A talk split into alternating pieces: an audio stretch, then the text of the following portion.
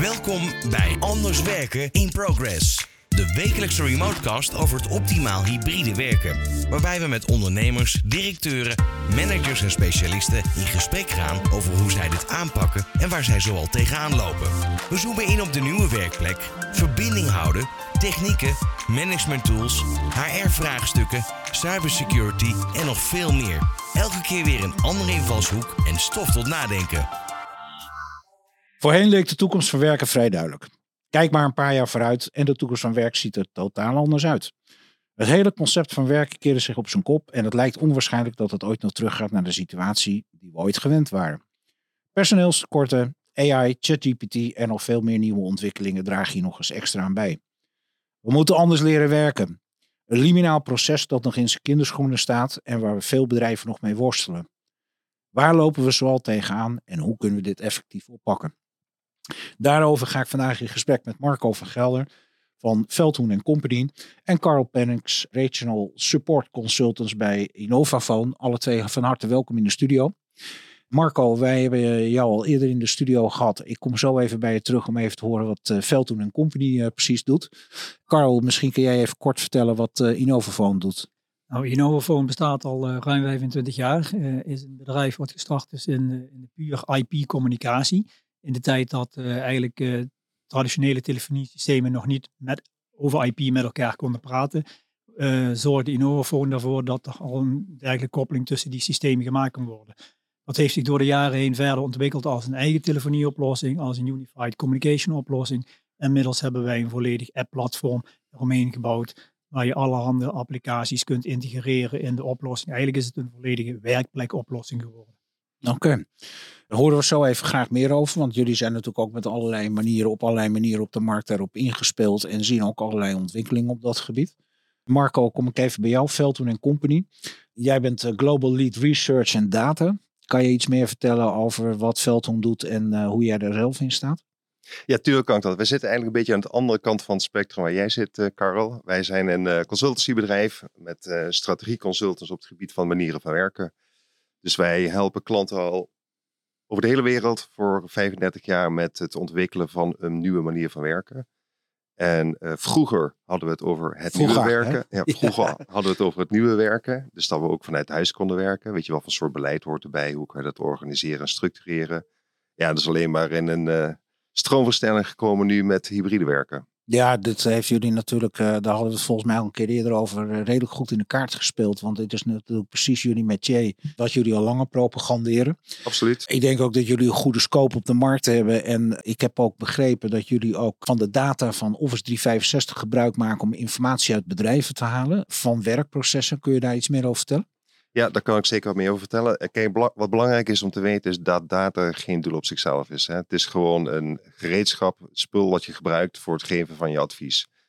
En uh, wat wij hebben gezien, en dat is alleen maar toegenomen nu met uh, hybride werken, is dat werken op een bepaalde manier het kantoor heeft verlaten. Dus als je echt een beeld wilt vormen, zeker een holistisch beeld over wat gebeurt er eigenlijk in mijn organisatie, ja, heb je ook ander soort van data nodig. Um, en data waarmee, waar wij mee werken komt inderdaad uit het gebruik van, uh, van Office 365 applicaties. Uh, waarbij we dus allerlei metasignalen hebben die een beeld geven over uh, wat is de collaboratiecultuur eigenlijk. Of wat voor manier werken mensen met elkaar samen. Wat voor soort verschillende soorten signalen gebruiken ze daarvoor. E-mail, chat en andere signalen. we kijken naar de leiderschapsstijl.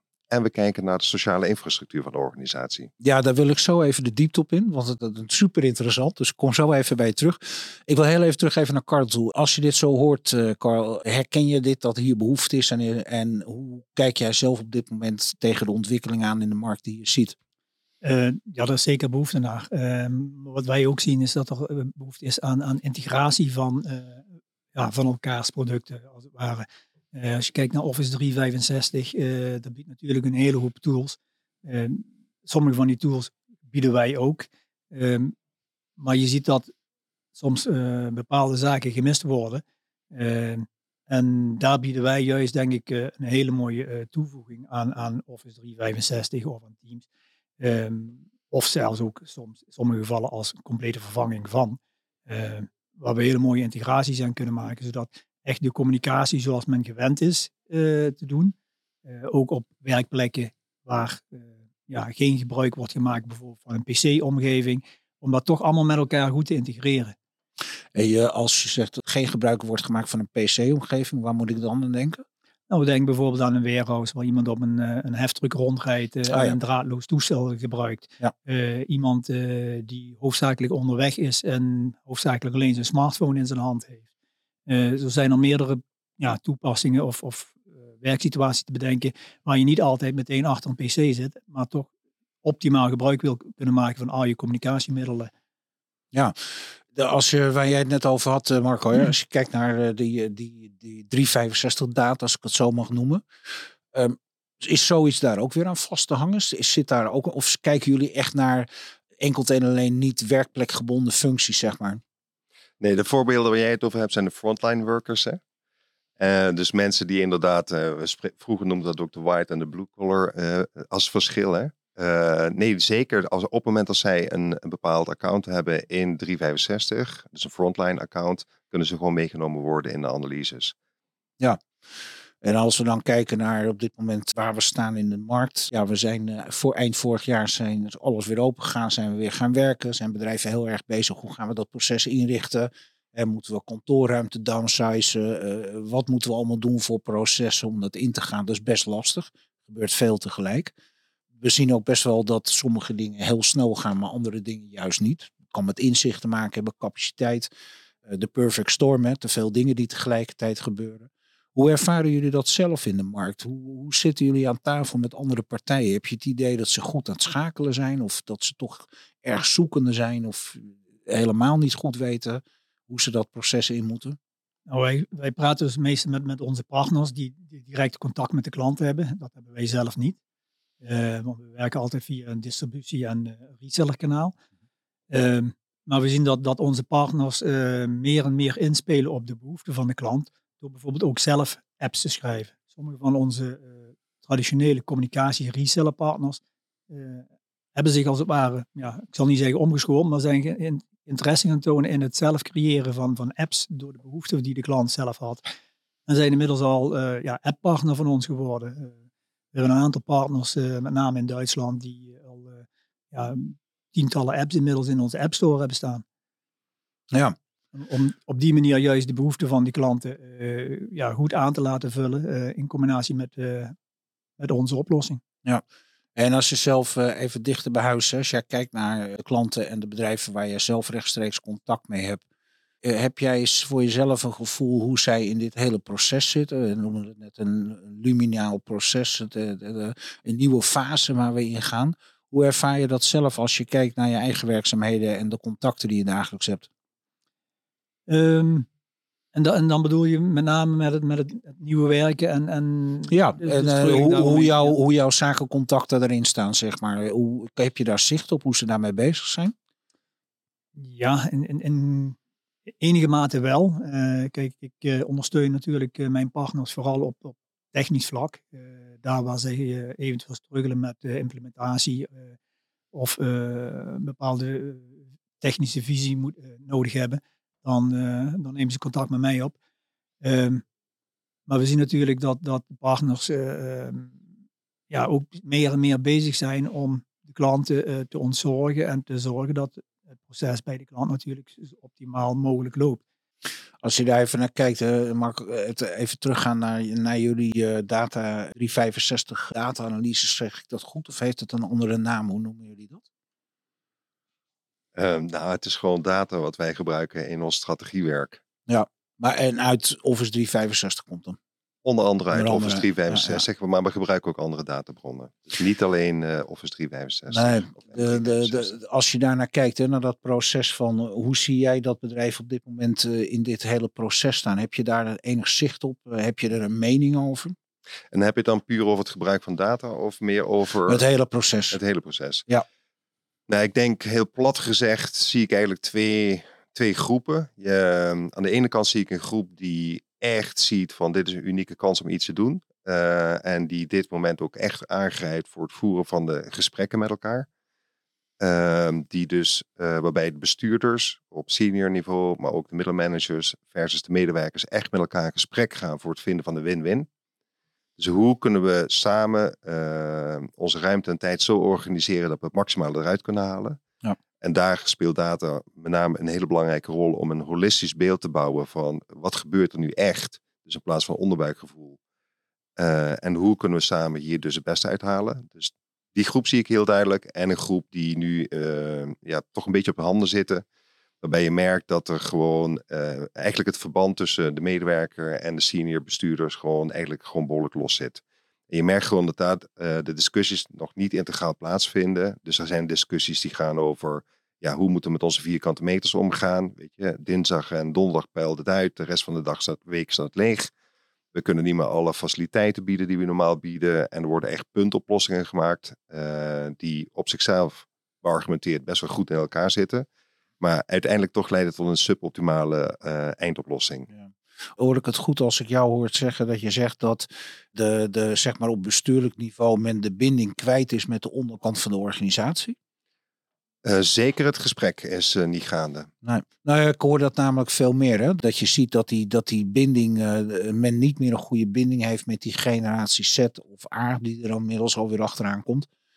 Dat is wel een probleem, want je moet uiteindelijk die organisatie aansturen en daar je beslissingen om nemen.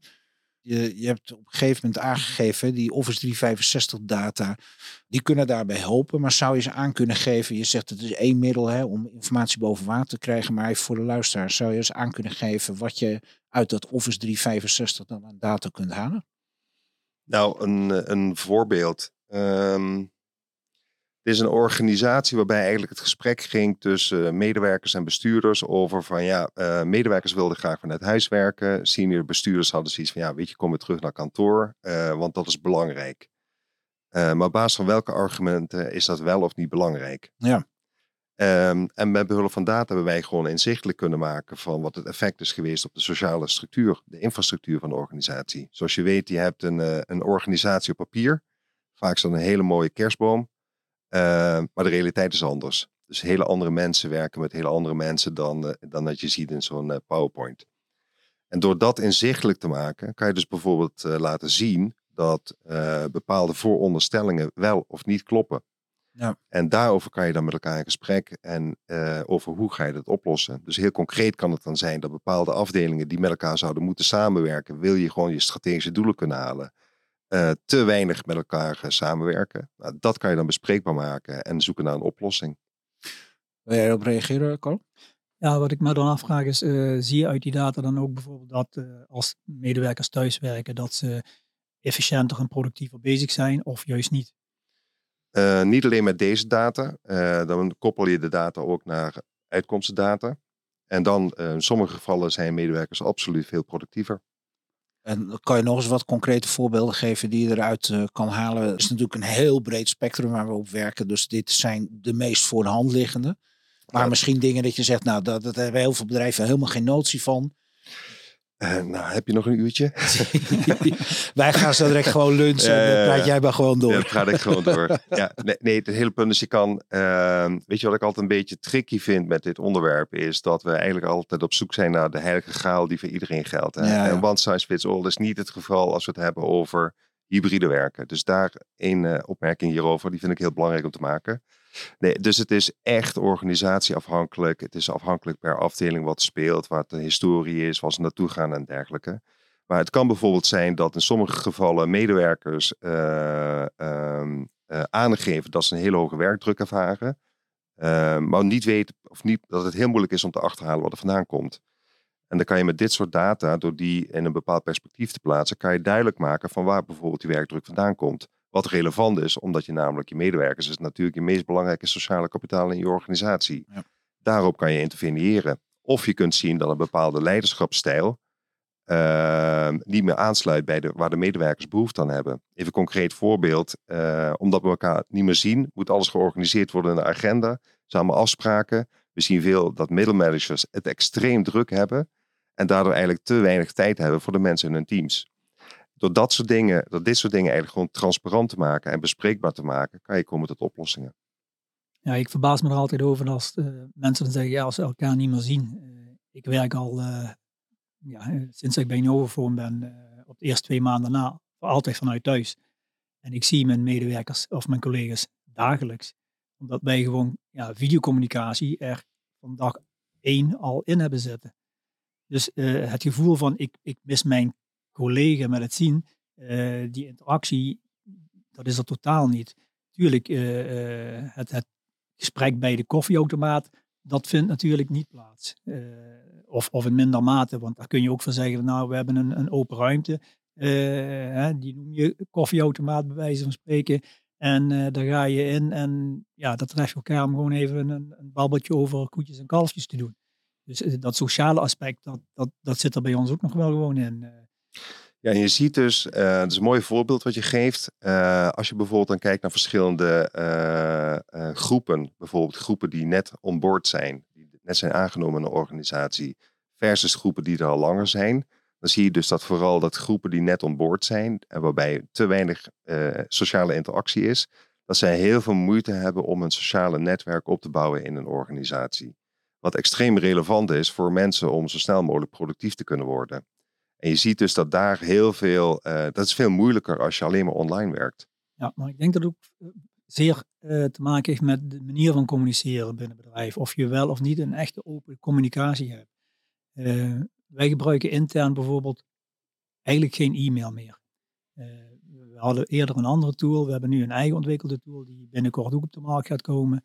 en ja, noem het maar een, een IBM Slack of een Microsoft Channel-achtige uh, uh, omgeving, waarin wij met elkaar in verschillende kanalen gewoon open met elkaar communiceren, van management tot of gewoon op de werkvloer.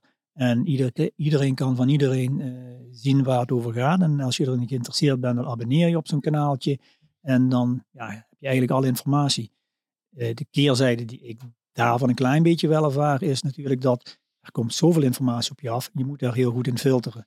Want anders kun je bijna de hele dag bezig zijn met, alleen maar al die berichtjes lezen, wat natuurlijk niet relevant is. Dat is trouwens wel interessant wat jij zegt, hè? want we hebben nu ook Microsoft uh, Copilot. En als je het over informatie hebt, hè, van hoeveel informatie kan je verwerken, dan hoorde ik weer een hele interessante tool. Dat als je nou een meeting gemist hebt, hè, met name online, en je hoort soms dat mensen dan een dag ervoor of de volgende dag een uur eerder uh, achter een uh, scherm gaan zitten om die vergadering terug te kijken. Dat je nu op naam en onderwerp gewoon kan die co-pilot kan instellen. En die haalt precies de paar dingen eruit die jou relevant zijn en je kan door. In die hele, dat hele communicatieproces, ook wat jij net zegt, jullie zeggen al, jullie werken niet meer met mail. Nou, dat is dan inderdaad, dat is ook zoiets. En wat zijn de voordelen daarvan, Carl, dat jullie niet meer met mail werken bijvoorbeeld? Nou, bij e-mail is het heel vaak één op één. Tenzij je natuurlijk een, uh, uh, ja, een add-all doet naar iedereen. of een aantal collega's in de CC zit. Maar je weet zelf wel dat het heel irritant is als je een, een mailtje krijgt in een CC wat ja, niet relevant voor jou is. Want dan raak jouw in-mailbox alleen maar vol. En heb je geen tijd om alles door te filteren. Best allemaal, die mailtjes. Bijvoorbeeld. ja. Um, communiceer je in een kanaal waar ik mij op geabonneerd dan krijg ik dat vanzelf in mijn kanaal. Is dat een soort prikbord wat erin zit, waarbij je gewoon dingen post en wie wil, die pakt het op en die doet er iets mee? Je, je kunt je op een kanaal zeg maar uh, uh, abonneren. Je kunt ook nog een bepaalde discussie volgen. Uh, wij noemen het de Connect app. En ehm, ja, als ik daarin iets post en ik wil het bijvoorbeeld specifiek richten aan het managementteam, dan staat er een hashtag management in. wil ik het richten aan een sales team, dan staat er hashtag sales internationaal bijvoorbeeld in. Ja, waarom ik er even op inga, want dan kom ik even terug bij Marco. We zijn natuurlijk allemaal op zoek naar slimmere oplossingen. Geënt aan wat is inzichtelijk in het proces. Want daar, ja, daarbuiten, je kan natuurlijk, er wordt zat geroepen en gedaan, maar het moet wel gefundeerd zijn. Dus eigenlijk denk ik ook weer waar jullie aan die voorkant zitten, om te kijken van hoe processen zich vormen. Neem ik aan dat ook dit weer dingen zijn die bij jullie weer in het, in het verhaal passen van hey, hoe steek je die communicatie in? Eh, hoe ga je dat inregelen, noem maar op. Klopt dat? Um, Want communicatie is natuurlijk een belangrijk onderdeel van het proces. Uh, zeker, uh, maar het proces is maar een onderdeel hè, van het grotere geheel. Ja, ik probeer even te kijken waar ik hem moet plaatsen. Dus vandaar kan ik bij jou even terugparkeren. Okay. Ook even voor de luisteraar om even een, een, goede slijpsteen voor de geest te hebben. Ja, ja. Nou, dan moeten we weer even uitzoomen. Prima. Ehm, kijk, wat, wat ik heel interessant vind eh, in de huidige situatie is dat ehm, we ehm, eigenlijk in een, in een situatie zitten waarbij we na moeten denken van wat zijn we ook alweer aan het doen met elkaar. Hè? Eh, voor de pandemie eh, hadden we een soort van modus operandi. We gingen naar kantoor, we deden daar ons dingetje, we stonden weer in de file enzovoorts. Het interessante nu is, is dat we gewoon onszelf de vraag moeten stellen van wanneer gaan we naar kantoor, maar ook waarom gaan we naar kantoor, wat voor toegevoegde waarde heeft dat. Ehm, ehm, maar ook weer reflecteren op onszelf, want er is toch wel een beetje een soort van fear of missing out. Bang dat je gewoon eh, dingen mist of wat dan ook. Weet je, hoe kan je dat weer omdraaien door te reflecteren en na te denken tot de joy of missing out. Weet je, dat je gewoon weer blij bent dat je niet alles hoeft te volgen, omdat de dingen die relevant zijn, dat die bij jou op je bureau komen. En ik denk dat dat heel erg te maken heeft met weer terug naar de tekentafel gaan met elkaar van, oké, wat willen we ook een keer met elkaar, met elkaar gaan realiseren? En wat is er echt voor nodig om dat daadwerkelijk te kunnen realiseren? En er blijkt dus dat een heleboel dingen eh, die heel lang, quote-quote, normaal zijn geweest, ja, weet je, waar we nooit over hebben nagedacht, dat we die gewoon kunnen weggooien. Dus er zit heel veel ruimte in om dingen echt op te ruimen, eh, weer te heroverwegen van hoe belangrijk is het nu echt? Eén stap terug, twee vooruit. Precies. En van FOMO naar JOMO. Precies. Ja, ja. Carl, hoe is dat binnen Innoval geregeld? Hoe zie je dat zelf binnen jullie eigen organisatie? Oké, we, hebben heel veel medewerkers die van thuis uit werken eh, of vanuit een andere locatie werken. Hè. We, hebben bijvoorbeeld eh, een, een divisie in Italië zitten waar sommige collega's eh, dan naar kantoor gaan, maar ook niet elke dag. Die werken ook soms thuis, soms op kantoor. Ehm, kijk ik bijvoorbeeld naar mezelf. Ik ga ongeveer één keer per maand ga ik naar het hoofdkantoor, afhankelijk van of er een, een, een eh, een vergadering is waarbij men gevraagd is van ja, laten we nou een keer even van alle landen weer bij elkaar komen. Eh, en, en dat probeer ik te combineren met, ja, met een bezoekje van een, een dag of drie dat ik naar het hoofdkantoor ga. Ja. Het is ook een, een reis van, eh, van 450 kilometer voor mij. Dus dat doe je niet even voor één dagje. Even, even op mijn vraag terugkomend. Hè. Ik, ik wilde eigenlijk even bij jou even aftasten van als je nu, waar we het net over hadden, dat hele proces waar we in zitten, anders denken, anders werken.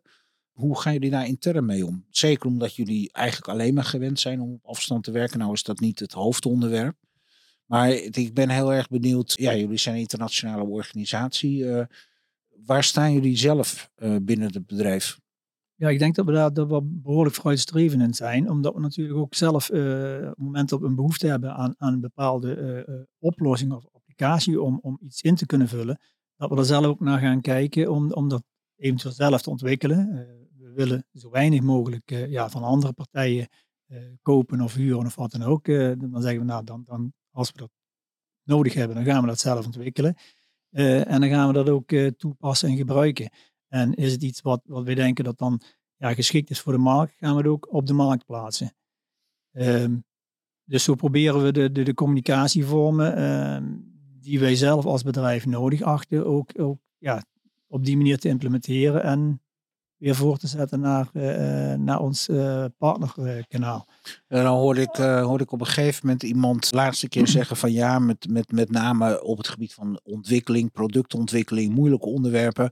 Dan moeten we echt bij elkaar zitten. Dan moeten die geeltjes weer aan de muur geplakt worden, want anders werkt dat niet. Maar wat ik van jou begrijp is dit dus ook gewoon op deze manier online prima eh, te regelen en met elkaar op de rit te zetten. Absoluut, want eh, kijk, die geeltjes op die, op die wand plakken, dat kun je ook in een, eh, in een online whiteboard bij wijze van spreken. klopt. En een online whiteboard is weer heel makkelijk geïntegreerd in onze omgeving. Dus ja, tuurlijk zijn er af en toe van die sessies dat je zegt van ja, één keer in de zoveel tijd willen we de mensen toch even een keer weer bij elkaar hebben. Zo doen we minstens één keer per jaar houden we een, een soort brainstormdag. Wij noemen het de barcamp. eh, waar iedereen met, met eh, allerlei ideeën kan komen. En of het dan gaat over productontwikkelingen of gewoon ideeën eh, op, op sociaal gebied, dat maakt niet uit. Het kan echt van, van ja, in alle richtingen gaan. En dat wordt dan op zo'n dag besproken. Items worden dan ook eventjes op, op gevote. We hebben dan een soort voting app erbij zitten. Nou ja. En dan worden de, de items die ieder, ja, de meeste mensen aanspreekt, daaruit geselecteerd en dan verder besproken en later na verder uitgewerkt. Hoe klinkt dat voor jou, Marco? Is dat iets waarbij je zegt van hé, hey, dat, is, dat is ook in ons werk een mooie case naar de, de, het marktgebied waar we in werken, dat het per definitie niet altijd plaatsgebonden hoeft te zijn? Of Ehm, zeg je van ja, dit, dit, dit weten we al lang en eh, ja, dat is voor ons niets nieuws aan de horizon. Dat je op die manier ook het wel degelijk kan dat je met één dag elkaar dan treffen, de rest gewoon eigenlijk gewoon volledig online kan doen.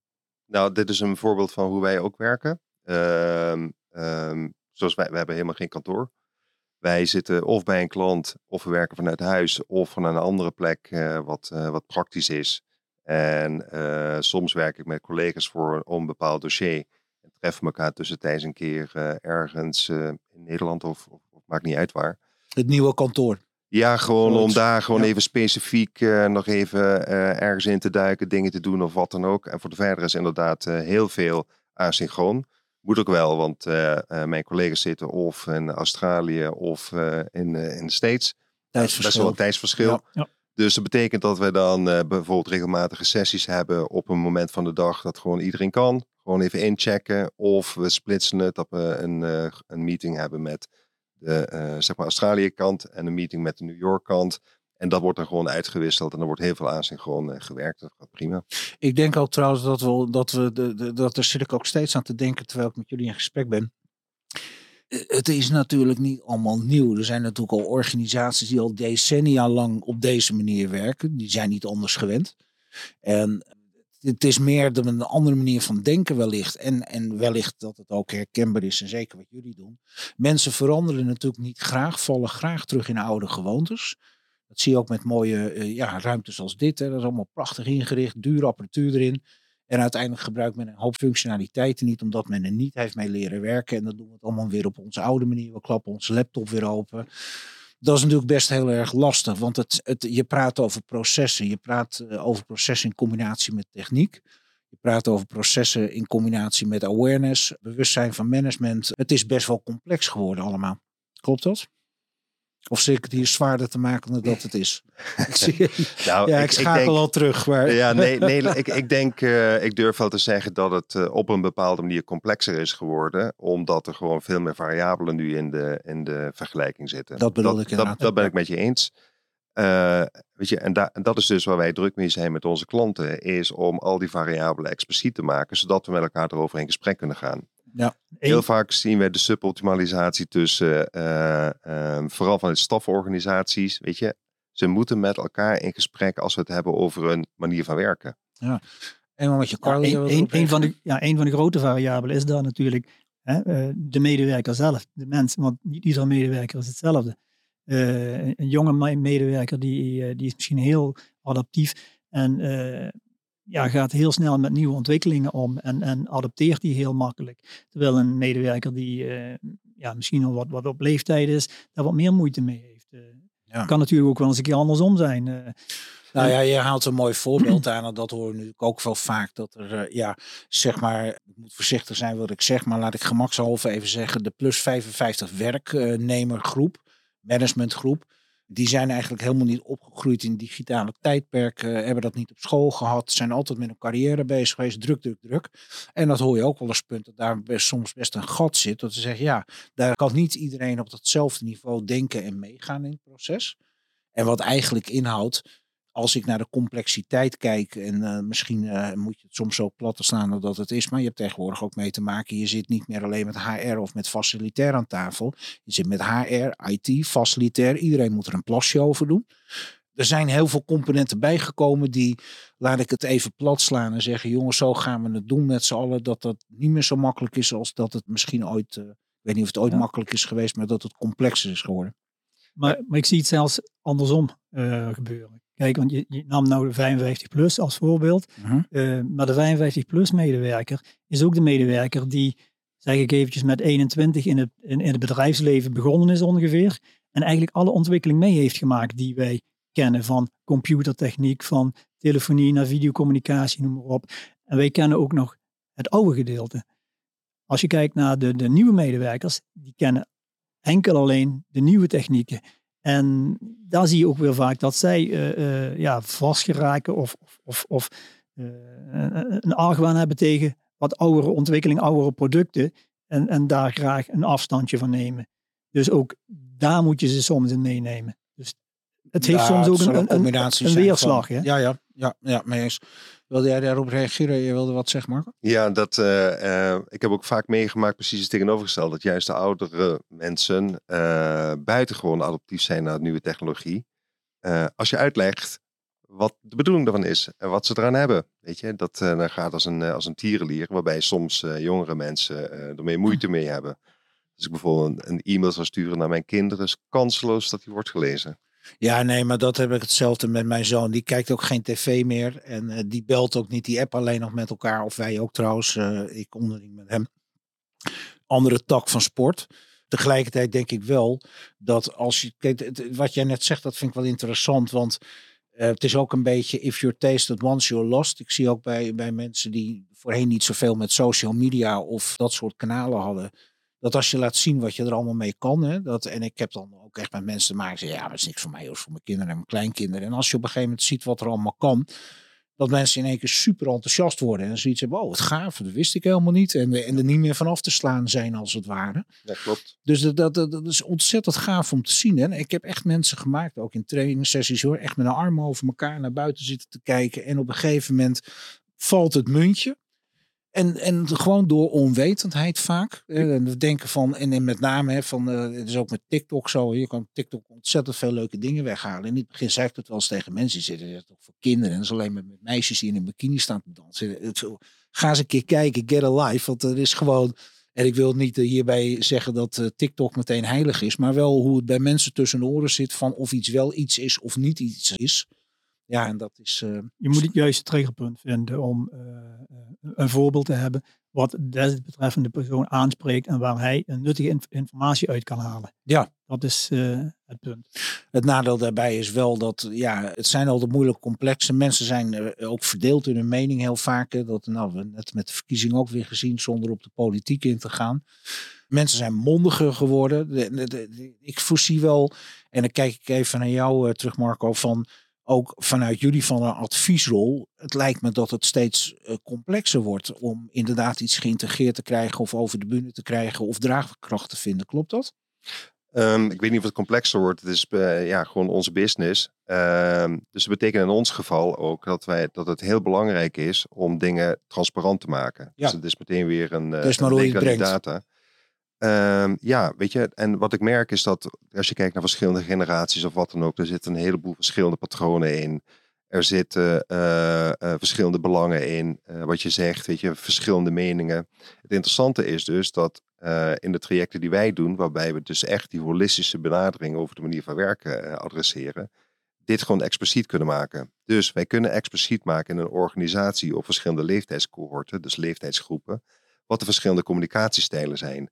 En dan kan je dus ook zien op sommige punten waar hij wel of niet aansluit. En daar moet je dus gaan interveneren en met de mensen in gesprek van... hé hey jongens, jullie missen hier, jullie praten zeg maar technisch gezien langs elkaar heen.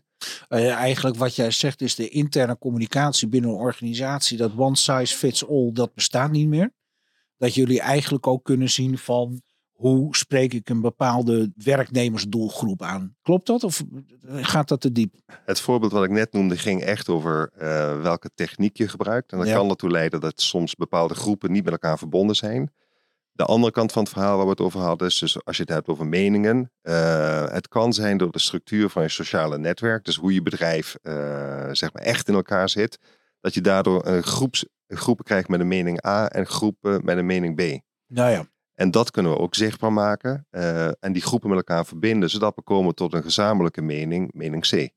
Maar dat houdt eigenlijk in dat, en uh, dat, dat is volgens mij ook waar consultancy op gebaseerd is, je moet overal eerst even de pijlstok inhangen, kijken wat, uh, wat is de stand van zaken voordat je überhaupt de stap neemt. Dat zo, zo werkt het gewoon. Ja. En dat is de, daar komt de kracht van data naar voren. Um, volgens mij heb ik de vorige keer ook zo genoemd. Het is een beetje, het, ik zie het als het Esperanto binnen de organisatie, weet je, de taal die gewoon alle verschillende disciplines met elkaar verbindt. Omdat HR heeft een totaal andere, uh, uh, als een andere tak van sport dan real estate, facility management, ja, bestuur. Absoluut. En met data kan je gewoon ook heel veel onderbuikgevoel wat er is. Uh, of er, is, er zijn allemaal ideeën, meningen, noem maar op. Kan je gewoon in één keer gewoon transparant maken en bespreekbaar maken. Ja, nou ja, op dit moment in uh, de liminale fase waar we in zitten, de veranderingsfase, het nieuwe tijdperk natuurlijk ontzettend belangrijk en interessant. Ik wil uh, met jullie graag uh, naar de afsluiting uh, toe gaan. En Carl, ik wil jou graag even de vraag stellen van... Wat zou jij de luisteraar nog eens takeaway mee willen geven in het kader van werken binnen het nieuwe proces, het veranderingsproces in de situatie waar we nu in zitten? Um, ja, daar, daar zijn heel veel mogelijkheden uh, tegenwoordig. Um, als je kijkt naar Innophone, dan heb ik eigenlijk onze nieuwe marketingslogo More Than Communication. dus wij doen meer dan communicatie en kunnen heel veel klanten helpen, ook met applicaties die niet direct meer met ja, communicatie te maken hebben, maar wel met het efficiënt, met plezier, met elkaar werken en uh, ja, je doelstelling bereiken. Ja, dankjewel. Marco, uh, wil jij nog een takeaway voor de luisteraar meegeven? Um, ik zou willen zeggen... De hele lijst dat je zag. nee, nee, nee, dat valt er mee, dat valt er mee. Nee, wat ik zou willen, willen zeggen is, weet je, doorlooptijdverkorting begint met lange nadenken. Dus ik zou echt uh, iedereen willen uitnodigen die in dit onderwerp bezig is van uh, inderdaad hang een keer de pijlstok erin. Uh, maak het objectief. Weet je, uh, ga weg van allerlei onderbuikgevoelens, meningen en noem maar op. Want one size fits all bestaat gewoon niet. En zeker niet in dit onderwerp. Heeft het überhaupt ooit bestaan? Strikvraag. Uh, nee, nee, is geen strikvraag. Kijk, ja. als iedereen gewoon naar kantoor gaat, omdat iedereen dat doet met een stropdas om. Ja, weet je, dan is dat uh, prima, prima te doen. Maar op het moment dat je dus een heleboel dingen weghaalt, dus een heleboel constraints, structuur weghaalt, krijg je gewoon meer diversiteit. Ja, en dat, nou ja, eigenlijk logisch inderdaad. Voilà. Ja. Oké. Ik wil jullie ontzettend bedanken voor uh, komst naar de studio. En uh, wij gaan uh, de komende periode ook in de Anders Werken Week in maart en de summit die op 18 juni gaat plaatsvinden, gaan wij in de tussenliggende tijd met meer podcast en radio-uitzendingen dieper hierop in. ontzettend fijn dat jullie kennis met ons gedeeld hebben en bedankt voor jullie komst naar de studio. Graag gedaan. Graag gedaan. Leuk dat je weer hebt geluisterd. En volgende week zijn we weer met een nieuwe Remotecast. Deze aflevering wordt mede mogelijk gemaakt door de Anders Werken Summit en haar partners. Heb je een aflevering gemist? Of wil je zelf deelnemen aan onze live events en netwerken? Kijk dan voor meer informatie anderswerkensummit.nl